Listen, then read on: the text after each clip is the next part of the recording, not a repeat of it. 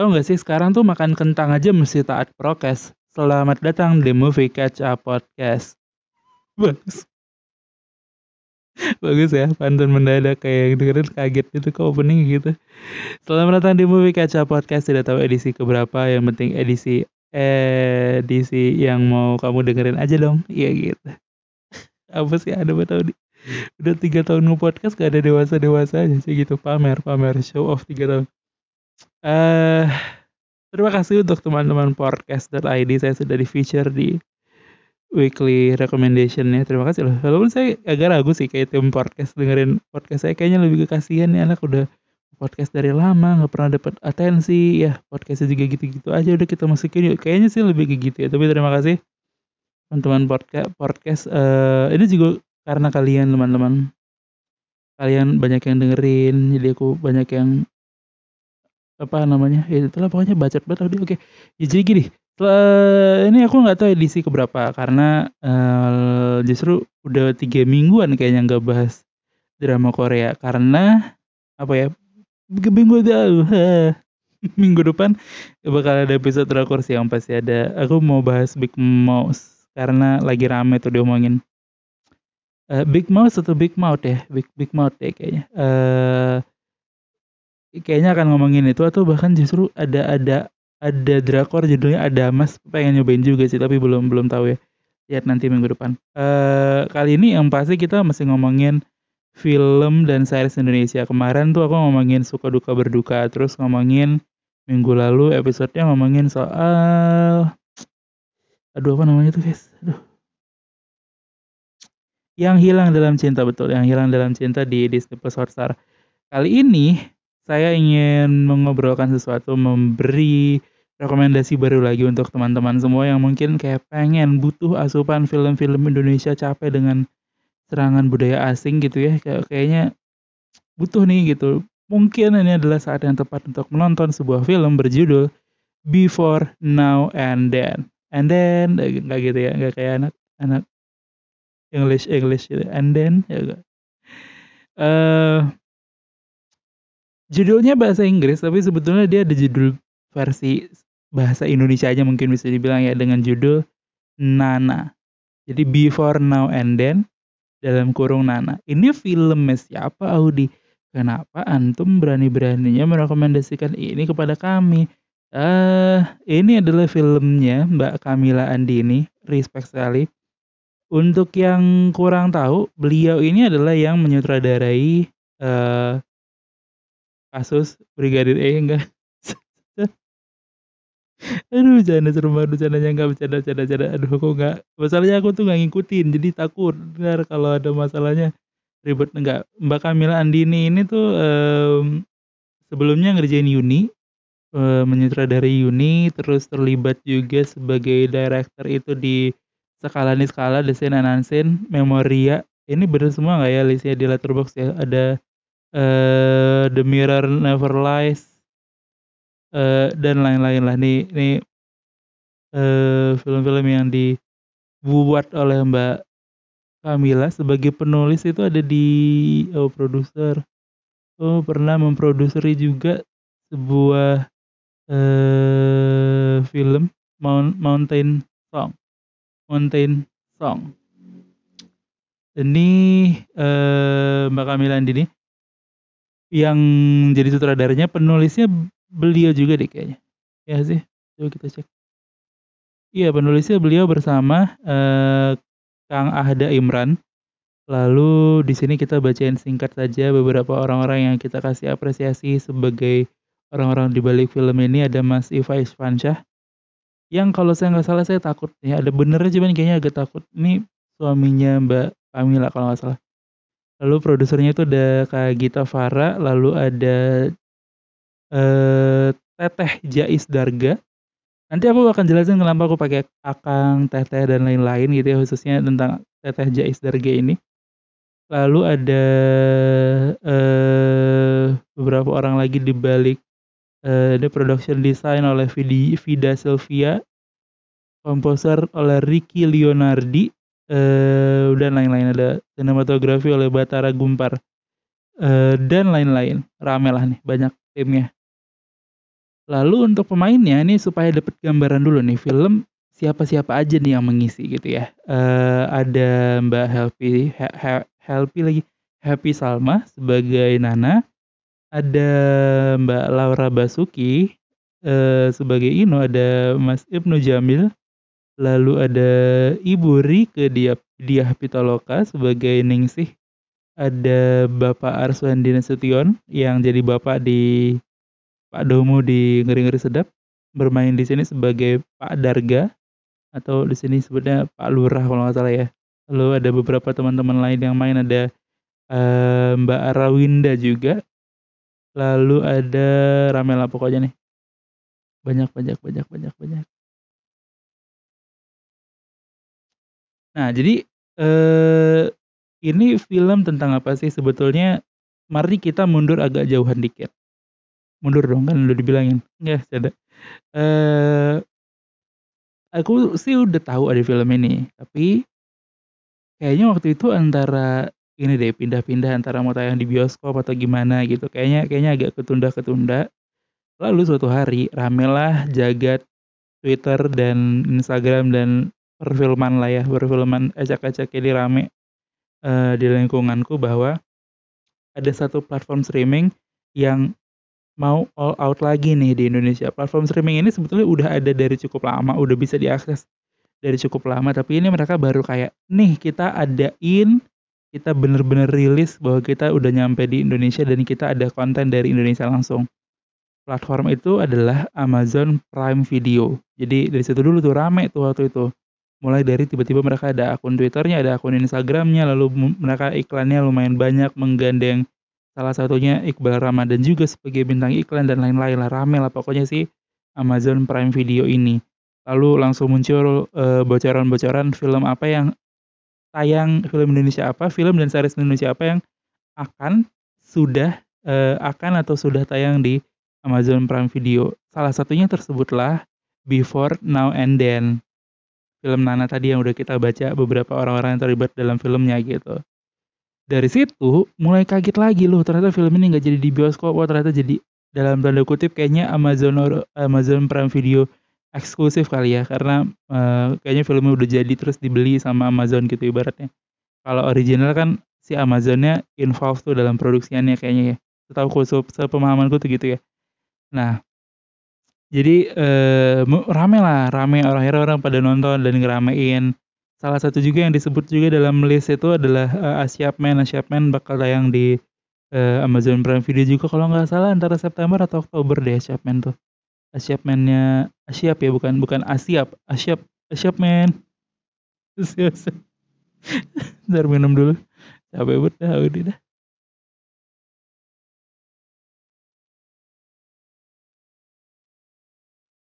Oke. Kembali lagi. Nah, jadi si Asiap Man juga bakal ada di Amazon Prime Video.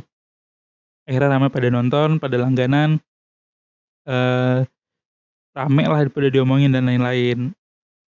Aku nggak langsung nonton karena ada dua. Aku sih selalu gitu kayaknya. Pertama menghindari hype yang terlalu besar gitu. Kayaknya bukannya mau so edgy dan gimana. Cuma maksudnya agak capek aja kalau ngikutinnya ketika saat lagi hype-hype-nya gitu. Kalau kalau emang tenaganya lagi nggak ada sih aku memutuskan untuk agak nunda bentar gitu.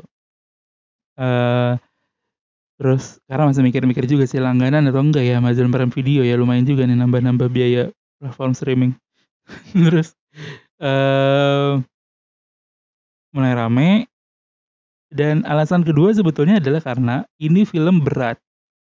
Iya nggak tahu sih maksudnya beberapa orang mungkin rasa ini film biasa aja cuman menurutku pribadi untuk aku yang memang sukanya nonton film mainstream, film populer dan dan nggak terlalu suka, nggak terlalu banyak mengonsumsi film-film berat gitu itu ngerasanya ini film tuh film berat gitu.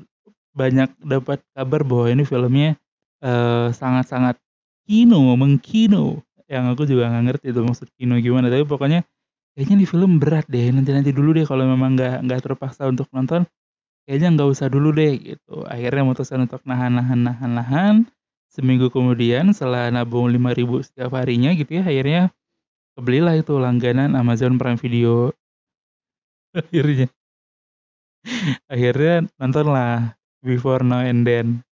Nonton dengan ini agak ngeselin sih sebetulnya. Jadi ini agak uh, intermezzo tapi agak out of context. Jadi waktu itu aku udah nyiapin waktu kalau nggak salah malam minggu. Jadi lampu kamar udah aku redupin. Terus aku udah bikin kopi kopi saset gitu sih guys. Terus kayak ya udah siapin gitu terus.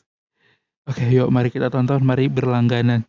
Ternyata dengan satu dua alasan error dan lain-lain lah pokoknya nggak bisa langganan malam itu aku kesel kayak aja udah ngebentuk mood udah kayaknya udah ready tapi ternyata gagal terus akhirnya aku nonton apa malam itu lanjut uh, extraordinary terniwu atau apa gitu pokoknya pokoknya nggak jadi aja itu malam itu. Eh enggak lanjut nonton yang hilang dalam cinta episode 3 dan 4 pokoknya nggak jadi aku kesel banget itu. Terus besok pagi uh, nyobain lagi langganan dan ternyata bisa. Nyobain dah tuh langganan. Si uh, Amazon Prime Video nonton. Uh, dan ternyata benar, ternyata ini kita masuk ke impresi awal gitu ya setelah nonton di di di awal sampai pertengahan film, ternyata benar ya mungkin ini tipe-tipe film yang film yang selama ini cukup aku hindari gitu karena terlalu berat, aku nggak kadang ngerasa nggak sanggup aja sih untuk nonton film berat gitu, ngerasa otak kapasitas otaknya kayaknya nggak cukup deh gitu. RAM-nya kecil nih HP saya nih, udah mulai mesti di-upgrade. Mana Android 8 lagi kan udah mau mati Dread 8 ya. Um, tapi tapi karena ada excitementnya bahwa ini film bagus, otomatis aku aku aku tetap mau saya untuk nonton. Dan sejujurnya sampai pertengahan menuju ending dikit ya itu durasi filmnya kan bentar kita pastiin durasi filmnya itu kan 100 menitan gitu ya 103 menitan. Um, itu di di 50 menit pertama itu tuh aku masih bisa enjoy, masih bisa nyantai gitu. Oh ya udah ini memang oke oke seru juga filmnya maksudnya uh, menarik gitu untuk ngelihat uh, perjalanan Nana ini gitu ya terus ini kita belum ngomongin sinopsis audisi lanjut ya lupa lagi nanti kita ngomongin abis ini ya. Ini impresi awal dulu. Jadi awalnya gitu terus kayak tengah ke akhir sih agak sulit sejujurnya buatku. Jadi agak agak berat gitu kayak kayak agak sulit kayak mulai mata-mata pelan tertutup terus kayak aduh ada ada ketiduran aduh aduh, aduh gitu mulai mulai ketiduran tipis-tipis. Eh itu impresi awalnya. Tapi jangan takut jangan kemudian rasa apa sih kok langsung ketiduran? Bahas enggak sih. Ini mah tergantung masing-masing kekuatan aja. Aku sih udah udah udah mendeklarasikan bahwa aku culun aja gitu. Nggak sanggup aku nonton film-film berat gitu. Maksudnya apalagi sendirian guys di kamar sendirian. Ngantuk-ngantuk pasti nggak ada teman diskusi dan lain-lain kan. Jadi kalau kamu mau diskusi sama aku sambil nonton film boleh banget loh. Kamu bisa DM aku aja di @audio underscore harap nanti aku balas DM kamu dan kita nonton bareng ada aplikasi namanya Teleparty kita bisa nonton bareng di situ. Kita bisa nonton film yang sama asalkan sama kamu terus gitu. Nggak bercanda, bercanda, bercanda. Ya pokoknya gitu deh. Pokoknya impresi awalnya seteng awal ke tengah masih menyenangkan seru, tapi tengah ke akhir sejujurnya agak berat buatku. Tapi mari kita omongin kenapa berat dan kenapa ini aku tetap rekomendasiin walaupun tengah ke akhir menurutku agak cukup sulit. Oke, mari sinopsis. Jadi gini, minum dulu.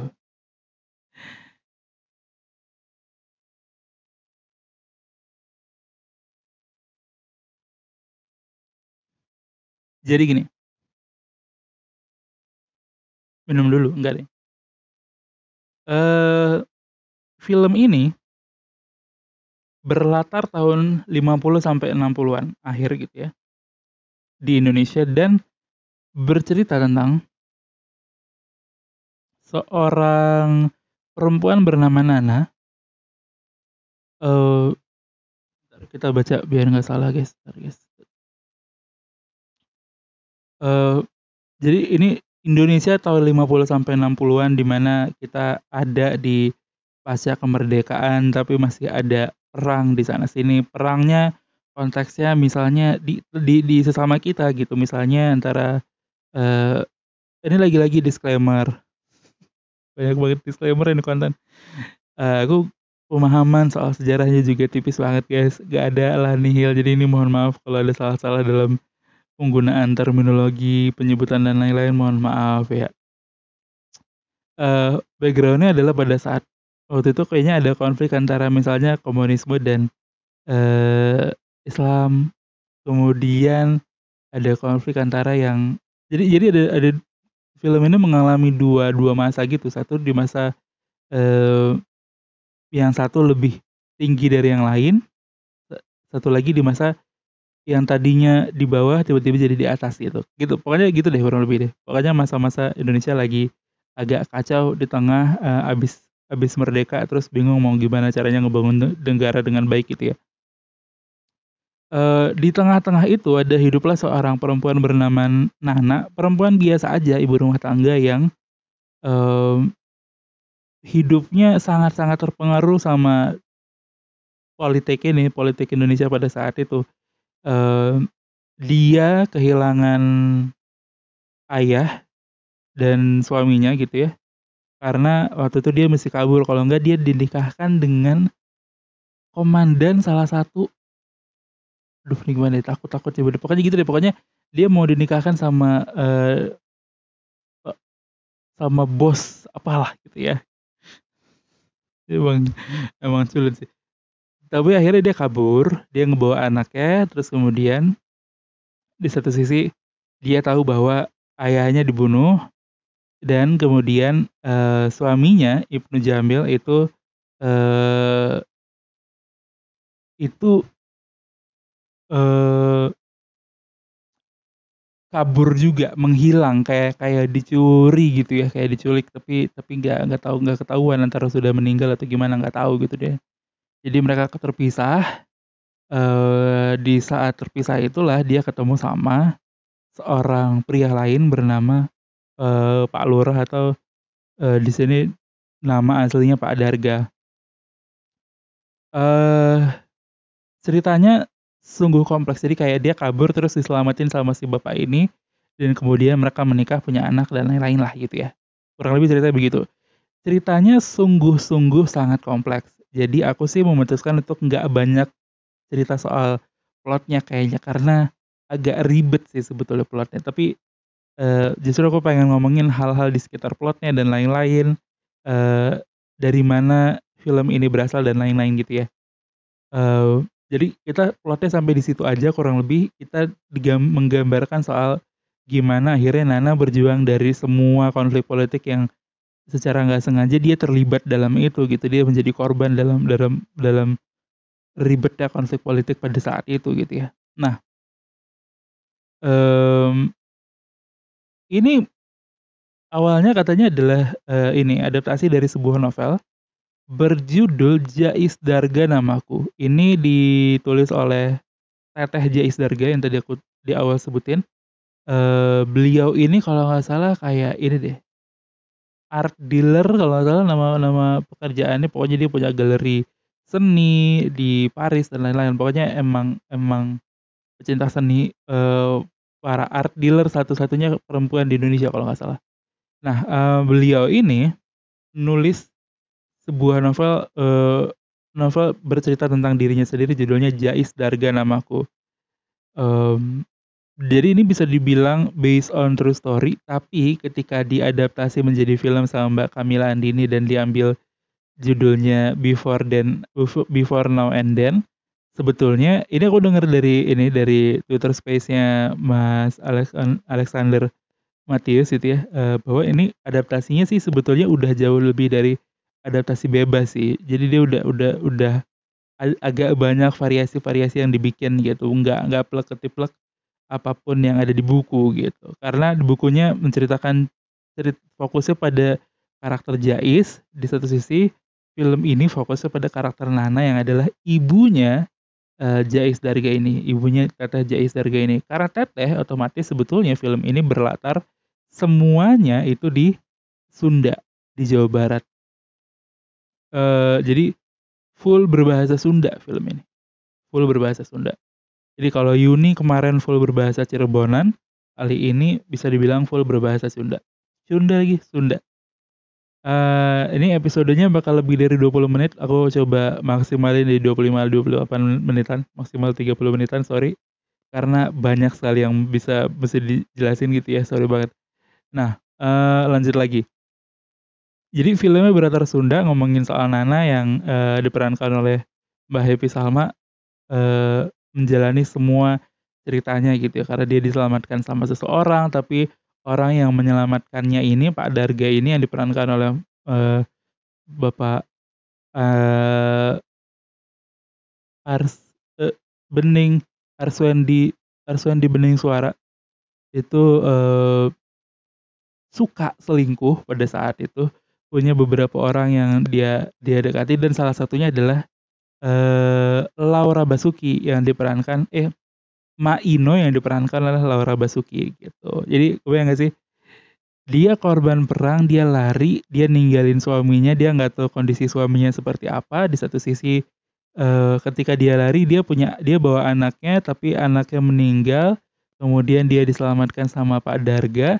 Dia pikir Pak Darga baik, Pak Darga baik sih mau menyelamatkan dia dan tinggal di kondisi yang lebih layak dan lain-lain, tapi kemudian, mmm, ternyata Pak Darga sendiri punya masalah dengan kesetiaannya gitu, dia banyak banyak jalan dengan perempuan lain, banyak digoda dan dan lain-lain. Salah satunya adalah oleh Ino ini, dia punya hubungan sama Ino yang diperankan oleh Laura Basuki. Cerita ini bercerita tentang tiba-tiba jangan deh itu spoiler deh, pokoknya udah Nah, eee jadi kebayang kompleks ya, eee, dia dia diselamatin tapi kemudian mesti ngalamin kayak mau dipoligami dan lain-lain lah gitu ya. Mmm, ini aku mesti review aja sih kayaknya, aku nggak bisa jelasin lebih lanjut soal plot-nya karena takutnya spoiler dan dan mengurangi kenyamanan kalian dalam menonton. Poin pertamaku adalah sebetulnya ini aku lebih ke menyalahkan diriku sendiri, aku aku nggak bisa cukup relate sama, mmm, kondisi Sundanya sebetulnya. Aku pikir aku tahu tapi ternyata enggak gitu, maksudnya yang aku tahu selama ini dari media tuh jauh sekali gitu, bahwa misalnya, eee, film ini salah satu yang bisa paling bisa dipuji itu misalnya soal bahasa eee, soal musik gitu ya.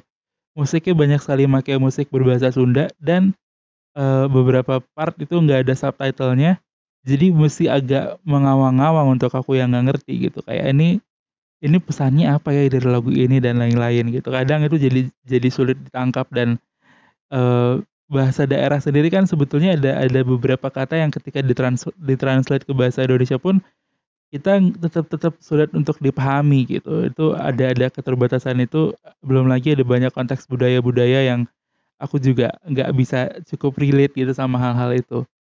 Mana lagi, eee, background story-nya di tahun 1950 ke 60 makin sulit lah, makin jauh menurutku gitu. Tapi sebetulnya masih enjoyable. Di part pertama sebetulnya masih masih sangat enjoyable melihat gimana gimana, eee, Nana struggling, eee, berjuang dengan semua trauma yang dia miliki dari masa lalu gitu ma eee, terus kemudian dia punya masalah di masa sekarang di mana suaminya selingkuh, dia tahu itu, terus kemudian dia, eee, mesti menjaga rahasia itu di depan banyak orang, dia dalam kebingungan kalau dia pergi ya gimana gitu, dia nggak punya siapa-siapa lagi, ayahnya sudah meninggal dan lain-lain gitu. Jadi di part pertama itu sangat-sangat enjoyable, sangat-sangat menarik ngelihat perkembangan, eee, story-nya Nana gitu. Menuju ke akhir sebetulnya mulai banyak yang aku pertanyakan sih. Alih-alih sibuk pada cerita aku beberapa kali mempertanyakan karena di aku agak nggak bisa nih aku menerima hal ini. Misalnya kayak, mmm, ini harusnya nggak spoiler sih, ini harusnya nggak spoiler karena sinopsis di berbagai website ini udah diomongin. Eee, misalnya kayak, bahwa ternyata di situ ketika ketika, eee, Nana dan Ma Ino ketemu, ketika Happy Salma dan Laura Basuki bertemu gitu ya itu mereka justru bukan jadi bukan jadi musuhan, tapi justru jadi saling menguatkan, aneh banget kan. Ma Ino yang di sini perannya dalam tanda kutip sebagai bukan pelakor sih, tapi lebih ke selingkuhan gitu ya, selir gitu, semacam selir, mmm, itu justru ketika ketemu dan ngobrol sama Happy Salma, karena Happy Salmanya nggak buru-buru geradak-geruduk geradak-geruduk, malah mereka jadi dalam tanda kutip "sahabat" dalam cerita ini. Dan aku ketika nonton itu tuh kayak nggak bisa aku menerima kenyataan ini. Bahwa ada kasus begitu betul, bahwa itu mungkin saja terjadi betul, tapi di aku sendiri kayak aku jadi nggak bisa deh kayak gini. Nggak mungkin bisa selingkuhan, selingkuhan masalahnya bukan bukan bukan yang poligami secara resmi gitu, selingkuhan, terus deket saling support tuh kayaknya agak sulit diterima gitu. Mohon maaf Mbak Kamila Andini tapi ya aku tahu ini film sih cuman dia aku dia aku agak sulit. Jadi di di pertengahan menuju akhir itu aku jadi aku jadi beberapa kali lost gitu kayak jadi aku masih mikirin gimana caranya Laura Basuki sama Happy Salma bisa kompak gitu bisa akrab bisa saling menguatkan. Um, terus misalnya kayak uh, sebetulnya agak bingung ngelihat kondisinya Nana sih karena uh, filmnya lumayan banyak pakai penggambaran-penggambaran banyak pakai uh, scene-scene trauma yang kadang aku mikirin itu terlalu scene trauma atau scene kenyataan ya ini scene mimpi atau gimana ya gitu. Itu uh, itu juga kadang ngebikin kayak jadi makin sulit untuk aku bisa nerima. Ini ini sih masalah kapasitas otak aja sih sebetulnya. Bener-bener by the way ini ngomongnya udah agak panjang guys. Sorry guys. Bener-bener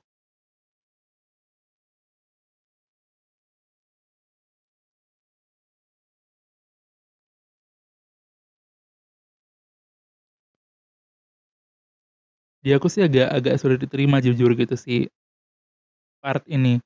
uh, jadi ada banyak satu masalah ketidakdekatan Sunda ketidakdekatan dengan budaya Sunda, kedua masalah bahwa ada satu plot yang menurutku bisa sih cuman aku masih belum bisa menerima dengan baik gitu pada saat menonton. Sekarang sih udah udah, udah bisa gitu, tapi pada saat nonton tuh aku nggak bisa gitu menerima bahwa ada plot selingkuhan dan yang diselingkuhi bisa akrab tuh agak agak sulit. Ketiga, masalah bahwa banyak sekali penggambaran-penggambaran yang aku mesti mikir 3, 4, 15 kali sampai akhirnya baru paham ini maknanya apa. Mesti dengerin space dulu, space di Twitter, mesti dengerin interview-interviewnya Mbak Kamila gitu.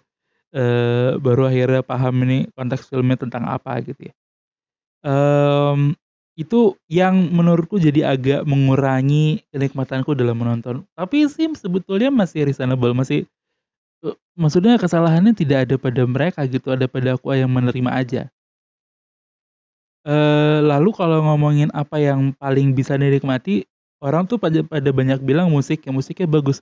Aku sih setuju bagus, tapi masalahnya adalah uh, aku nggak bisa ngerti makna dari setiap lagu yang mau ditaruh gitu, khususnya soal liriknya ya, tapi kalau bahwa musiknya, uh, bisa menggambarkan suasana dan lain-lain, bisa mendukung, benar gitu, itu itu itu sih benar, itu nggak nggak ada keraguan dari situnya.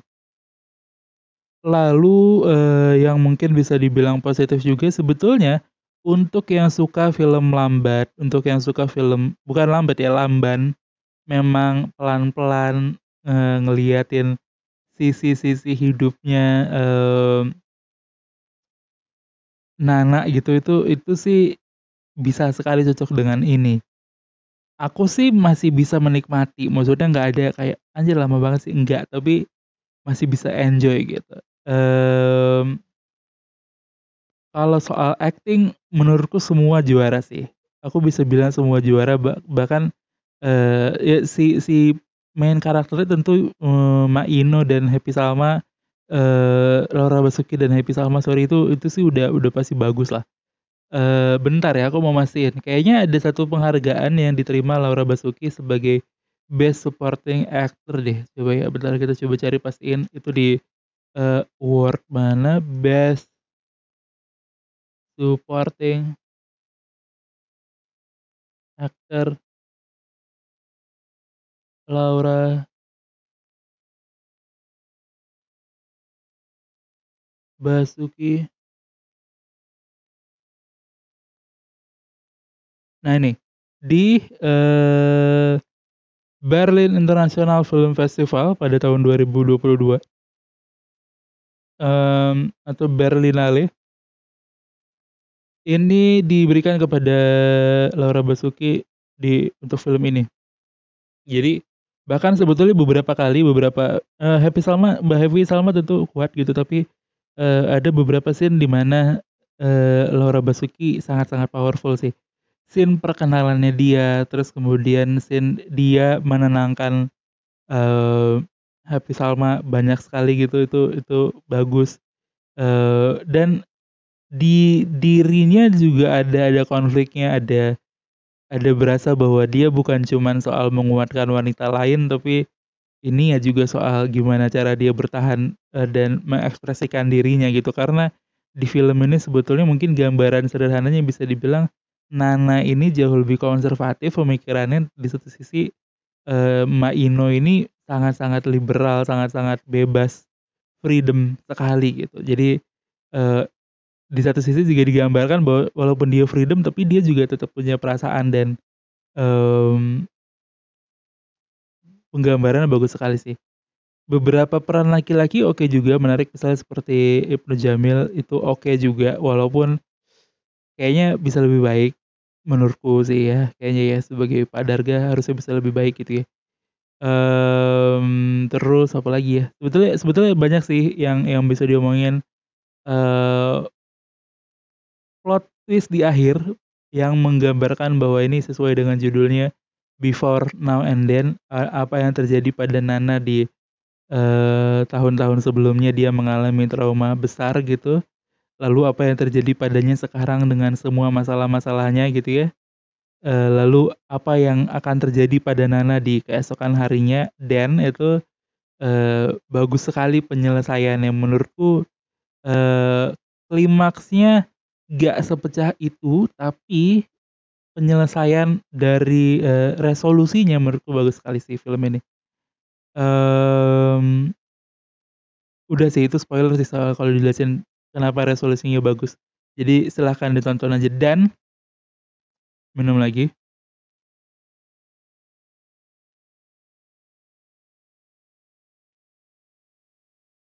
Udah berapa menit anjay? Waduh 31 kita harus tutup segera.